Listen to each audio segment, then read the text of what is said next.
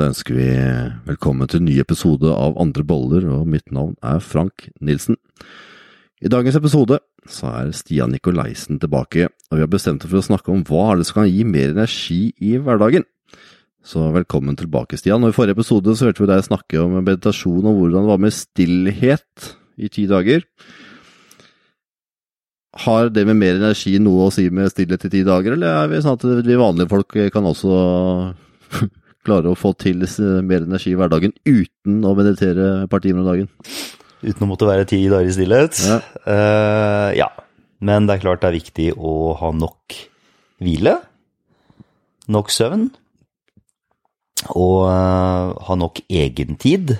Og det går jo litt inn på det her med Ja, altså det er jo ikke akkurat det samme som meditasjon. Meditasjon er en litt mer ekstrem variant av egentid og stillhet. Men, eh, men det her med å absolutt sove nok og ha nok ro og hvile og egentid, som sagt, det er, eh, det er viktig.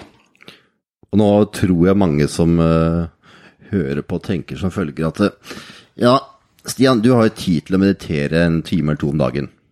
Meg som er student, eller har to jobber, eller uh, To barn. To, ja, to barn, ja. Uh, det var ikke meg som har to jobber, som et sånt eksempel. Det er mange som uh, tenker som at eh, vet du hva, jeg har ikke tid til å meditere en time om dagen, så jeg klarer snøtt nok å finne min egen tid, så hvordan uh, Jeg hører det høres fint ut. Hvordan skal jeg få det til? Ja, nei. Om ikke jeg får det til, hva skal jeg gjøre da? Ja, du får det til. Hva skal du gjøre da, ja. Nei, altså, altså nummer én da med hensyn til det med energi, ikke sant. Det er jo, det er jo utrolig viktig å vite hva som gir deg energi. Eh, og vete hvor Og da er vi egentlig litt bare sånn veldig kjapt litt tilbake på det vi snakka om i en tidligere episode, det her med verdier, ikke sant? Første episode, var det ikke? Ja, det var faktisk den første, ja. Uh, og som vi også var inne på litt seinere med hensyn til målsetting. ikke sant? Du må vete litt hvor du på en måte skal. Og det er klart, hvis du har satt deg opp med ja, setter det på kanten, da, kanskje med to-tre barn og to jobber, ikke sant? Og, eller kanskje én jobb, og så går du på skole på kvelden, holdt jeg på å si.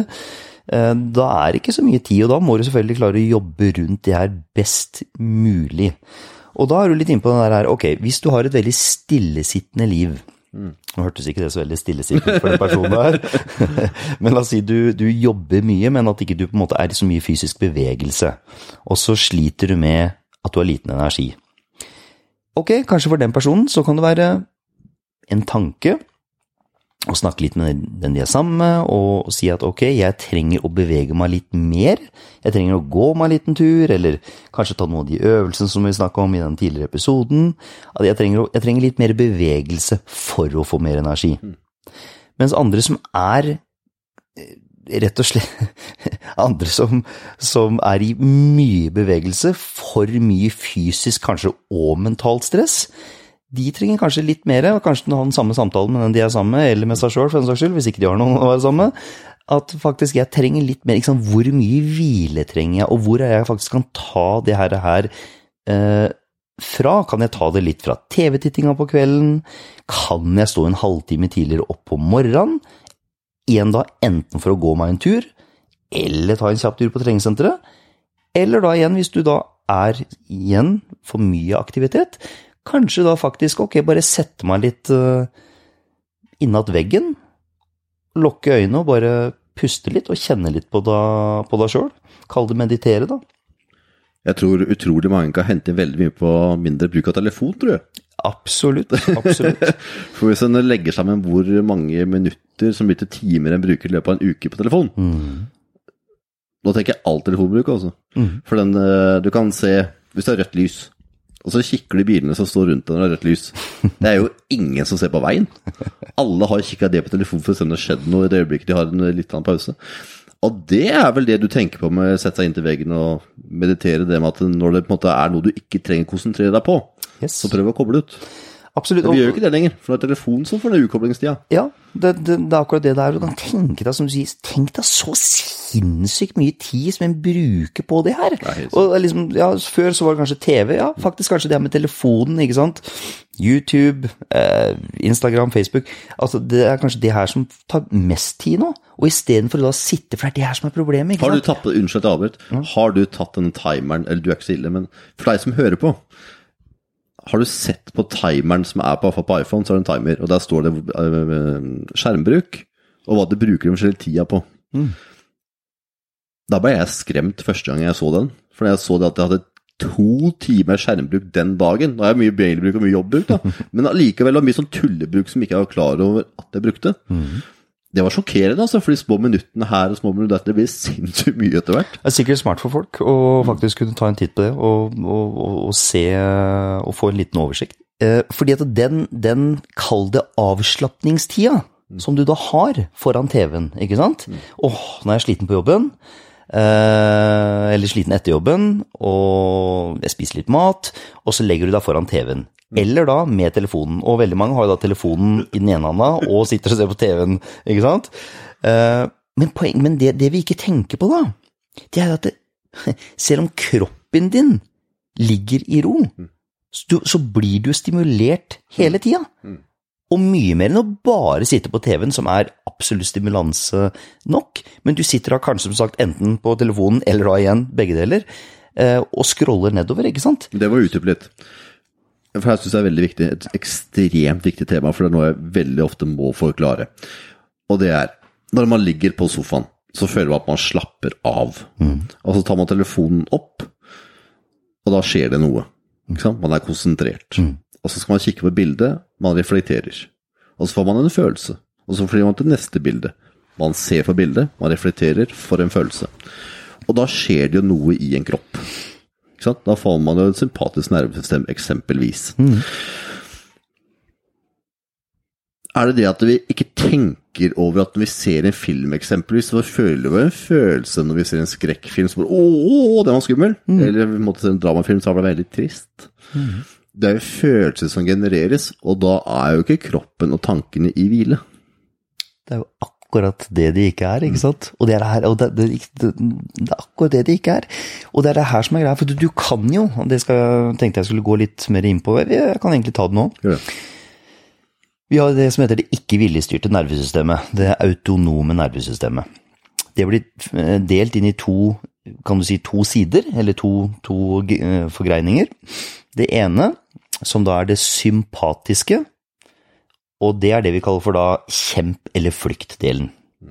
Og så har vi det som heter det parasympatiske, som da er hvile- og fordøyelsessystemet. Så det er primært sett aktivert eh, når det er egentlig det vi kan kalle for nattsystemet. Så når du sover eller mediterer eller sitter helt i hvile og ikke gjør noen verdens ting, så er det her aktivt. Men så er vi da inne på det som du sier der. Fordi hvis du ligger stille, men du får stimuli hele tida, Da får du angst til slutt. så kan du, så, så, så, det, det, kan, det kan du faktisk absolutt gjøre. Eh, For at kroppen er ikke vant til det her fra et evolusjonsmessig perspektiv, ikke sant? Og du får mer Altså, du, du forbruker nesten mer energi hvis du ligger stille og du sitter og scroller ned på telefonen hele tida, og kanskje da ser på TV-en i, i, tillegg, enn hvis du faktisk går deg en rolig tur uten telefonen, vel å merke, da. Ikke sant? Så, og det her, det er utrolig viktig, for det er mange som tror at de hviler, og de sier ja, men jeg ligger jo på sofaen fire-fem timer etter jobben. Og så sier jeg ja, ja, men, men, liksom, å, men jeg blir nesten mer sliten, og så kanskje noen til og med sovner med TV-en på, da, ikke sant? Så, så, og, og det er ikke bra, og da er vi tilbake på den biten her. Du må nødt til å være i total hvile når du skal hvile. Med andre ord ingen eksterne inputs. Helt riktig. Ikke noe, ekstern, ikke noe eksterne stimuli. Og det kan, jeg skal bare si det, og det kan være sånt som faktisk bare da å, å sette seg litt på en benk på utsida av huset eller i parken, holdt jeg på å si, og bare Der kjeder jeg meg. Ja, ikke sant? Og det er litt viktig å kjenne litt på den her biten der med å kjede seg òg, ikke sant? Men, men, men faktisk vær i hvile når en er i hvile. Det er viktig. Jeg vet ikke om du husker det her, for det spørsmålet kommer veldig på sparket som alle andre spørsmål i den podkasten her. Husker du hvor mye en hjerne forbrenner? For du sa noe i stad om at når vi ligger stille, så forbrenner vi veldig mye energi. Da er og hjernen og kroppen forbrenner noe. For du sa kontra at du kan gå der. Husker du det, eller? Jeg husker ikke helt i farta hvor mye det er. Uh, Husker ikke sånn cirka nærheten heller? ah, jeg gjør ikke det, skjønner du. Nei, Jeg gjør ikke det. Men, jeg, men jeg, jeg vet det, så da kan det komme på, at det kommer, eh, kommer opp her. Greit. Sånn i forhold til det med søvn. Søvn er jo et veldig viktig tema. Og jeg tror det er veldig mange som har utfordringer med søvn. Og så er det mange som har en forestilling om at det skal være sånn eller sånn.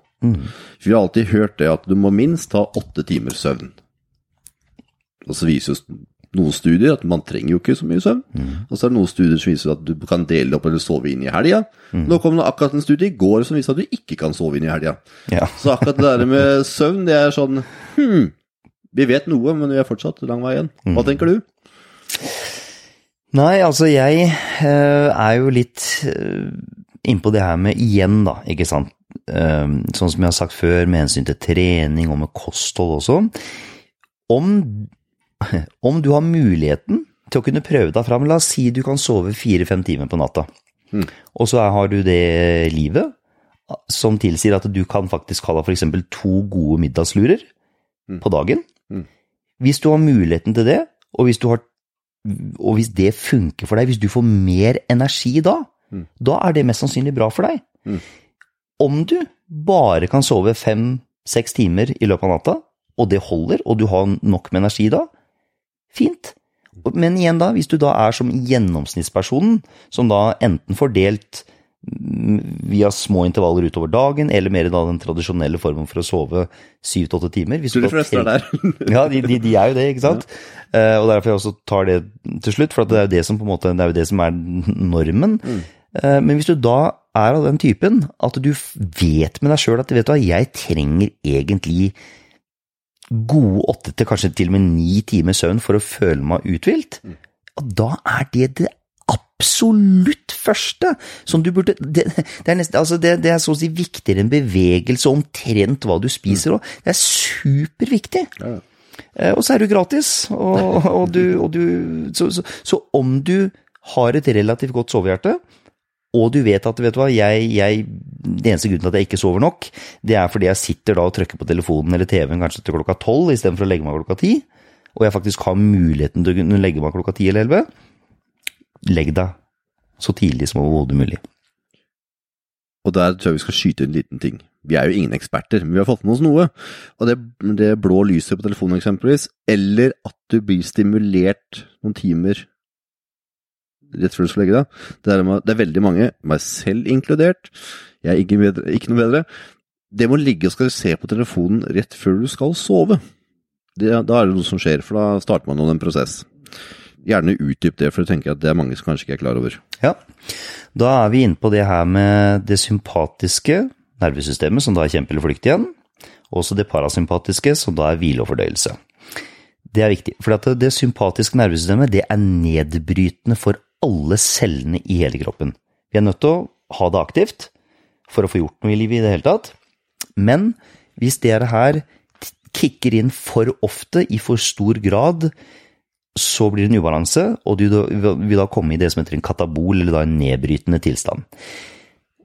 Og det sympatiske nervesystemet, det går hånd i hånd med da kortisol og adrenalin. Og vi er jo designa sånn at la oss si du er født i Norge, så vil det si at kortisolet ditt og adrenalinet ditt, primært sett kortisolet, går opp mens, eller med sola.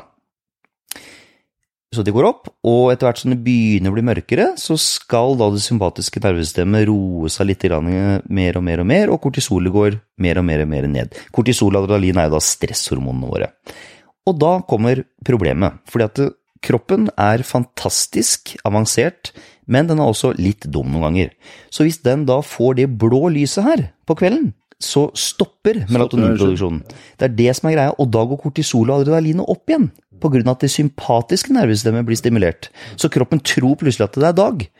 Og det skal ikke mer til enn at faktisk at du har på at du har på Det kan være lys i gangen, det kan være lys eh, inn på kjøkken Nei, på, på badet mens du står og pusser tenner.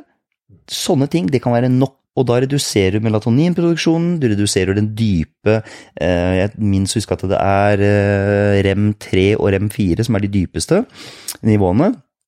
Eh, hvis du da får den kortisoløkningen. Og det er jo ikke gunstig. For lenge siden så har jeg jo pratet med Russell Foster. Ja. Eh, han er jo professor på Oxford, og den er mentaltrenerpodkasten. Og der snakka han om det med å ha god søvnhygiene. Mhm. Da sa han at det, det er litt morsomt at der vi har faktisk har sterkest lys, det er på badet. Ikke sant? så der vi på en måte pusser tennene når vi skal først legge oss, der er vi sterkest lys. Så han sa det at det er god søvnhygiene, det er å ikke ha så sterkt lys der man går sist før man skal legge seg. Men også at det ikke skal være så veldig varmt der man skal sove. Og jeg tror han sa noe sånn, det er lenge siden nå, for et par år siden, men at man tar vekk telefon og TV-bruk minimum en time før man skal legge seg. Jeg minst husker det var noe sånt. Og så er det selvfølgelig det med at man prøver å legge seg til mest mulig samme tid hver eneste dag. Og det husker jeg at der var jeg nemlig litt tidlig ute. For det begynte jeg for veldig lenge siden. Og da sa du 'hvordan er det mulig å legge seg klokka ti'? Da har det blitt sånn du òg, da. Jeg har det. Og du merker forskjell. Du merker veldig forskjell. Og det var jo når jeg da leste og forsto det at kroppen Igjen, det her utgangspunktet er jo da at du faktisk bor i det landet du er født i. For det er jo da døgnrytmen din, ikke sant? Så det som er så interessant, det er det at rundt Hvis du sover klokka ti på kvelden, ti til to, det er da den fysiske kroppen din henter seg primært sett opp. Men du, når du sover fra klokka to til klokka seks, det er da hjernen primært sett henter seg opp. Og to til seks, det er, eh, det er hjernen. Det merker du vanvittig forskjell på når du eksempel trener, og du skal ha den fysiske opphentingsbiten. Så merker du kjempeforskjell om du da eh, drøyer det til f.eks. klokka tolv, og du da eh, sover da, la oss si, til klokka seks. Så igjen, da når du er inne på den formen for det kroppslige energi, eh, så merker du god, god, god forskjell på det. Og da når jeg forsto det her for en del år siden, da Det ble klokka ti på deg òg. ble klokka ti på meg også. Og så er det jo veldig mange som tenker sånn så at eh, ok, jeg kan legge meg klokka ti i hverdagene, men jeg liker å dra til tolv, ett, to, tre helgene. Mm. Og det som nemlig da skjer, at da har vi en intern klokke som prøver å stille seg inn. Mm. For vi er jo sånn, vi er jo, vi er jo, vi er jo vanlige mennesker. Mm. Så nå da og når jeg begynner med klokke, så er da hormonsystemet må prøve å stille seg etter, da. Og det tenker vi aldri på. Vi tenker bare, tror jeg, at vi tenker at jeg går glipp av noe i helga hvis jeg legger meg tidlig. Mm. Men det vi ofte, mange av oss gjør, da, vi, gjør, vi ser bare lenger på TV, eller noe annet, og så går vi i senga. Det er det folk er redde for å gå glipp av, ikke sant? At det skal være et på TV-en som ikke får med seg. Jeg tror vi har toucha på mye av det med søvn. Vi kan garantert gå veldig mye dypere med søvn, men det er i hvert fall de viktigste elementene, i alle fall. Er det noe annet man kan gjøre for å få mer energi, eller? Utenom D-vitaminer, selvfølgelig. Ja. Men det har vi vært mye borti i andre episoder nå, har vi ikke det? Det har vi. Jeg har eh, nevnt mye om D-vitaminer. Og det, det som Altså, ikke sant. Søvn og hvile eh, er jo bare én komponent. Så har du den biten med da igjen hvor mye aktivitet er nok og ideell mengde aktivitet for deg. Er du da en type som burde gå deg en rolig tur for å få liksom kobla litt av, og kobla litt av tanker og følelser og bare få fått vært litt for deg sjøl? Eller er du den typen som trenger å jogge deg en tur fordi du vet du sitter kanskje ja, si du sitter omtrent 30 timer på kontoret i løpet av en uke, da, ikke sant? Eh, Så du, men det her, det vet folk innerst inne, og det er så viktig at du liksom tar et lite oppgjør med deg sjøl. Er jeg i for mye aktivitet, eller er jeg i for lite aktivitet? Og alle vet det innerst inne. Ja, det vil ikke vedkjenne det. Eh, Det er det som er greia, ikke sant? Men hvis du da vet at vet du, jeg har mindre energi enn f.eks. venninnene mine eller kameratene mine, eh, og så se litt på livet deres, og se litt på deg sjøl. Og igjen, da, som sagt, sitter du stille på en kontorstol 30 timer i løpet av eh, uka, pluss da kanskje tre-fire timer eh, foran TV-en eh, på sofaen før du legger deg, ikke sant? Så vet du at ok, jeg trenger mest sannsynlig å bevege meg mer. Og da er det liksom, igjen, ikke sant, er det da hjemmeøvelser som jeg snakka om i tidligere episoder? Er det å ta seg en tur på studio? Er det bare ringe en kompis og si at du skal begynne med bedriftsfotball, holdt jeg på å si? ikke sant? Bare, bare et eller annet, en eller annen form for bevegelse. Det er superviktig. Og så er det én ting som eh, jeg tror vi veldig mange av oss ikke tenker på. For vi tenker på alle andre ting først. Vi tenker ofte på D-vitaminer. Jeg har fått meg D-vitaminer? Ja. Har jeg fått meg søvn? Ja. Har jeg kommet meg trening? Ja. Det er svært få, tror jeg, tenker på. det er hodet. For tanker som bekymring eller andre ting, det tapper så vanvittig mye energi. at jeg trives ikke på jobb. Har en uh, kollega jeg ikke liker. Funker ikke hjemme. Alle andre ting, da. Helsa, jeg kommer, jeg kommer ikke på trening. Alle negative tanker, alle sånne bekymringstanker som går igjen og igjen og igjen. Det er nesten så det er på en støvsuger, og så bare Så forsvinner all energien. Så det er viktig å faktisk gjøre noe med alle de bekymringstankene man har. Da. Alle de tappende tankene man har. Og så kan man høre mange ganger at jeg har en, energi, har en energityv. Og for meg, når jeg hører ordet energityv, så tenker jeg at det er en tanke som går igjen og igjen og igjen og igjen. og igjen. Det Tenk ikke være samme, da, men at det er liksom samme type tappende energi. Skal vi komme med noen spørsmål og litt oppstilling som den som lytter kan gjøre hvis vi føler vet du hva, jeg merker at mye av min energi går litt, altså. Absolutt. Eh, kan, jeg, kan jeg komme med en, en liten eh, ting der, som vi bygger på etterpå? Fyll løs. Igjen da, så kommer jeg tilbake til det her med verdier og målsetting. ikke sant? Hvor er det du på en måte vil uh, i livet ditt? Og igjen, det er ikke alle som på en måte kan, kan gjøre hva de vil med livet sitt, for de har kanskje satt seg opp i en situasjon, det kan være familie, det kan være økonomi, det kan være alt med seg. Men, men forsøk så godt du kan, å faktisk finne ut av hva er det jeg Det er et spørsmål som jeg, når jeg jobber med, mye med kronisk utmattelse med klientene mine, så sier jeg, hva er det som egentlig gir deg energi? Hvilke tanker og følelser og scenarioer og, og mål og, og hva, er som, hva er det som gir deg liksom litt entusiasme og inspirasjon og energi? For det er jo utrolig viktig. Hvis du, som du sier, hvis hvis, hvis du fokuserer på negativitet og personen du ikke liker, eller hvem som gjorde noe mot deg for 10-20 år siden, eller det røde lyset som kom plutselig når du skulle ønske liksom, grønt lys. Liksom, alle de her hverdagslige negative, eh, negative tinga. Men liksom, sant, jo mer du fokuserer på faktisk hva er det som er godt for meg, og hva er det, eller best for meg, og hva er det som er best for den for det jeg kaller for drømmelaget ditt, altså de du på en måte har valgt å ha aller, aller nærmest. Det kan være kona di eller mannen din eller barna dine, ikke sant. Det er i hvert fall de det burde være. Eh, så, så, så hva er det som faktisk Hva har du har lyst til å, hva har du har lyst til å drive med? Det, og, og hvis du har muligheten til og med til å bytte jobben din, hvis du ah, ikke kan fordra jobben din, hvis du syns det er forferdelig å gå på jobb, ok, hva er det du kunne tenkt deg faktisk drive med, ikke sant? Men, men still deg de spørsmåla. Grunnen til at veldig mange ikke stiller seg de spørsmåla, det er jo fordi at de vet at hvis de stiller seg de alvorlige spørsmåla, og de må faktisk gå i seg sjøl og finne et alvorlig svar, som er noe helt annet enn det de faktisk gjør, det liker ikke, for de vet at da må de faktisk foreta seg den forandringen, ikke sant? Og det er skummelt. Ja, da tror jeg du traff spikeren på hodet på den siste. For veldig mange er opptatt av trygghet og forutsigbarhet. Ja. Og det er noe med at den jobben jeg har, den vet jeg hva jeg har. Og jeg får det faste beløpet jeg får. Ja. Og jeg vet ikke hva den andre jobben er. jeg vet, så det der med trygghet og forutsigbarhet er veldig vanskelig for mange. Og samtidig når man har veldig mye trygghet og forutsigbarhet, så er det ofte veldig vanskelig å finne ut hva man har lyst til å gjøre også. Yes. Man kan jo stille seg spørsmål til hva kunne jeg tenkt meg gjort, men ofte så dukker det opp 'jeg vet ikke'. For jeg har ikke fått prøvd noe annet enn det jeg har. Eller jeg vet, men jeg tør ikke. Ja, eller det.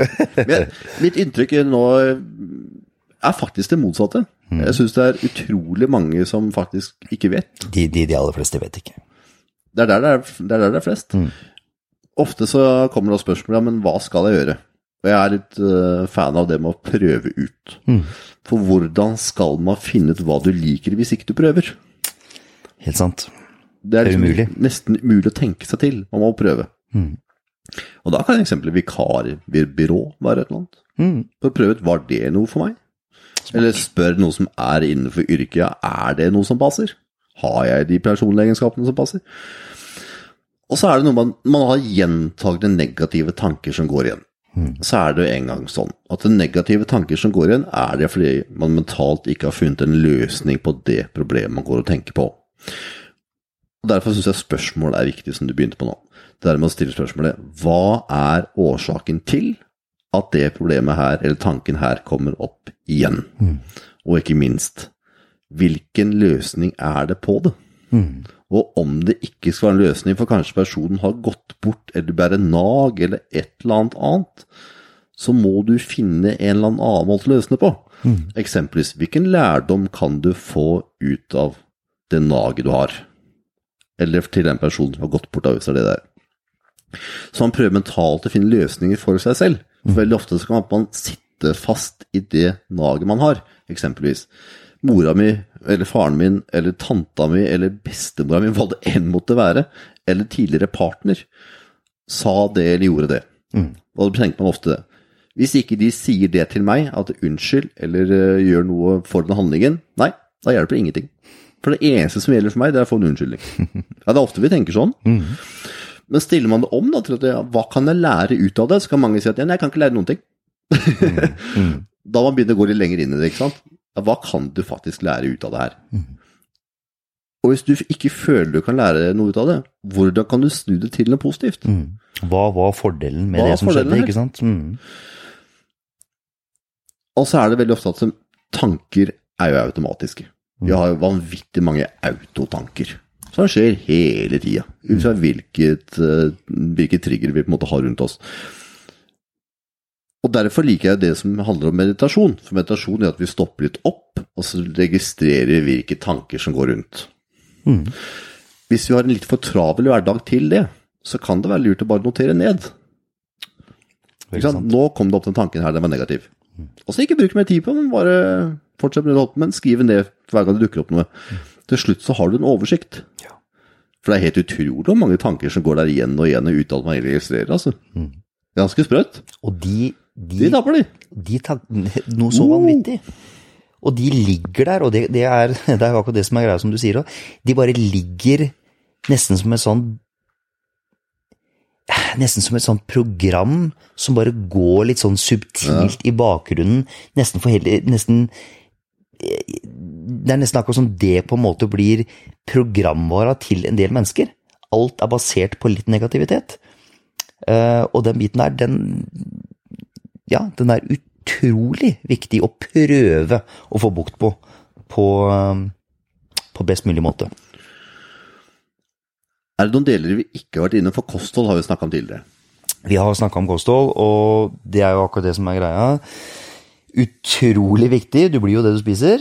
Eh, men jeg vil anbefale eh, lytterne å gå inn på da den tidligere episoden og få med seg litt mer om kost. Og så har vi vært gjennom søvn. Vi har vært gjennom eh, aktivitet. Ja. Er det noe vi ikke har toucha på som er ganske essensielt når det kommer til det med å få mer energi i hverdagen? av hverdagslige ting, uten å skulle gå for noe mer inn på, på f.eks. kosttilskudd og den biten her, for det også er jo en ting som det går an å, å nevne. Altså, Har vi noe fort der, eller? Hva, som, hva som hjelper energien vet, der? vet, du hva, vet du hva? To utrolig viktige ting. Utrolig viktige ting. Nok vann, og da snakker jeg ikke om Pepsi Max og Cola Light. Nok vann er utrolig viktig. Eh, en god indikator for nok vann for en generell person er 0,03 ganger kroppsvekta. Så hvis du da veier 100, enkelt, da. hvis du veier veier 100 kilo, så drikker du 3 liter vann, og veier du 50 kilo, så er det halvannen liter vann. Ish.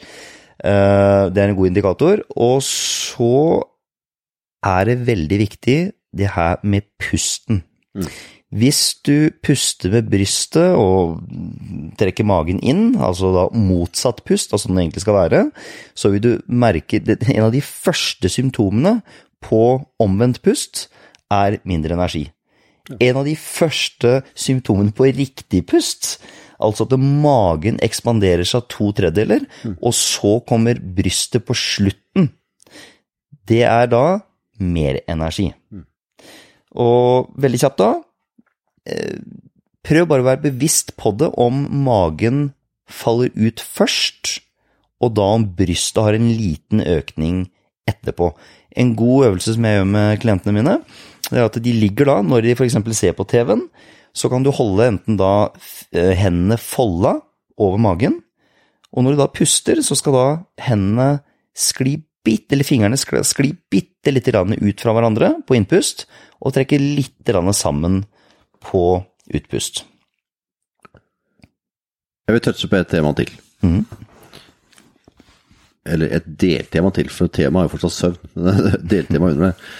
Veldig mange som eh, har utfordringer med energi, de kjøper energidrikk, eller drikker veldig mye kaffe. Yes. Hva skjer da? Jo, det er veldig bra at du tar opp det. For det, det er jo det, noe av det første jeg sier For det var nemlig du veldig god på. Ja, jeg var, jeg var på å drikke nok kaffe, jeg, jeg, jeg, jeg nødt til å fortelle, nødt til å fortelle den før du begynner. Vi var på Spania-tur sammen. Og Stian han kom seg ikke ut av senga for å ha fått en kaffe. Nei. Det som nemlig skjedde, det var at eh, vi var på, ute til lunsj. Ute og kikka på en eller annen plass eh, på en eller annen by. Og da må du ut og ha firedobbel espresso. Og så skulle vi på turistbuss, ca. halvtime etterpå, og hvem sovna? Det, Det var var, meg, det. var deg. Og så tok det vel kanskje et par timer til, og så var det dobbel espresso til, gitt. Ja. Og sånn gikk hver dag. Du har vært veldig god på koffein. Ja, jeg, eh, jeg Når jeg hadde ME-biten, så, så gikk det veldig, veldig veldig mye koffein. Og det er jo det første jeg pleier å, å si til folk som sliter med energi, og det er jo akkurat den biten der. Ikke gjør det som jeg gjorde eh, når jeg ble mer og mer, og mer sliten. Sov på turistbussen, eller fire? Begge deler. Det kan, du kan sove på turistbussen hvis du er med gode venner, sånn som jeg var, for da vekker de deg når du skal av. Eh, Men ikke gjør det når du er aleine. Nei, så, så det er klart at det, igjen, da bare nevner jeg det en gang til, veldig kjapt. Det sympatiske nervesystemet, det er kjempe eller flykt. Det skal bare være aktivt hvis det er noe helt spesielt du enten skal ha gjort, og da mener jeg sånn virkelig aktivt, eller hvis du har en bjørn som jager deg i rumpa, eller en eller annen du skal, må slåss med, holdt jeg på å si. Ikke sant? Det er da dagsystemet som skal være aktivt, uh, igjen da når du da skal være i aktivitet. Men det vi da ofte gjør, er jo at når det her får gått sin gang over uker og måneder og år og tiår, og det begynner å slite kroppen ut, så istedenfor å ta hensyn til hva du spiser og hvor mye vann du drikker, få, da, få nok sollys, puste med magen istedenfor brystet, få åtte timers søvn osv., osv., jo, så begynner vi å drikke kaffe. Og det som er problemet, er at kroppen din vet ikke forskjell på om du har da en elg i rumpa som du prøver å løpe fra, eller om du får en trippel espresso. For du får samme adrenalin- og kortisoløkningen.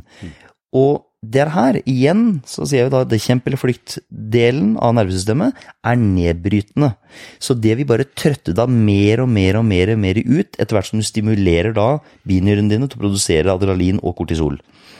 Så det er noe av det mest fornuftige folk kan gjøre, det er å prøve å kutte kaffen mest mulig. Jeg pleier alltid å si det, kutt i hvert fall den seineste kaffekoppen. Aldri drikk kaffe etter klokka tre. Det er syv til ni timer halvering, er ikke? Seks timer uh, cirka. Uh, cirka seks timer. Uh, og da hvis du da drikker 200 milligram, ikke sant, så vil du jo da rundt kanskje klokka tolv, la oss si du gjør det klokka seks, da, ikke sant? Så klokka tolv så har du fortsatt en halv kaffekopp i blodet når du skal legge deg til å sove, og det er klokka tolv, liksom. Ja, men jeg merker det er mellom åtte og ni timer på meg, altså.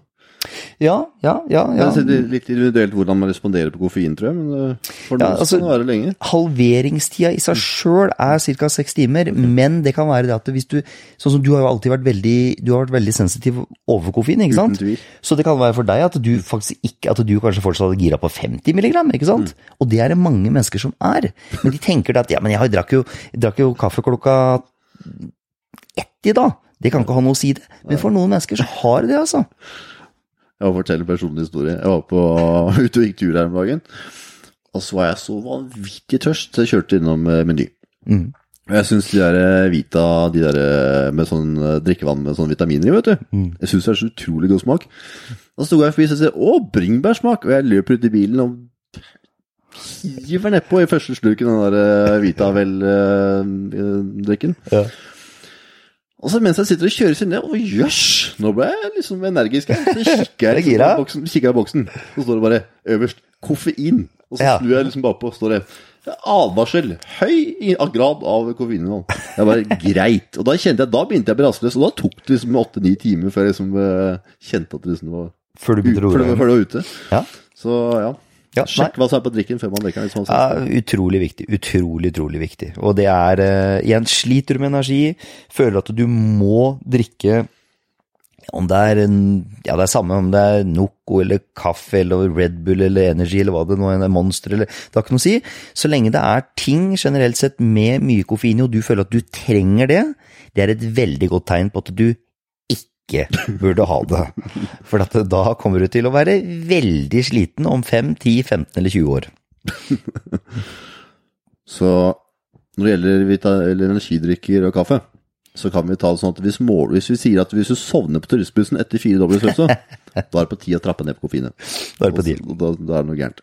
Gjerne, gjerne trapp ned før du trenger firedobla ekspresso også. Hvis du ønsker å høre på episoden med Russell Foster som er fra Oxford, så finner du Mentaltrenerpodkasten på iTunes, Spotify eller hvilke andre applikasjoner du bruker. Hvor finner man deg, Stian, hvis man ønsker å følge med på deg i sosiale medier? Eh, Det er jo da det vanskelige ordet jeg har på Instagram. Nico transform with purpose. Men hvis dere skriver bare the understrek Nicolaisen understrek method, eller Ikke at det er så mye lettere.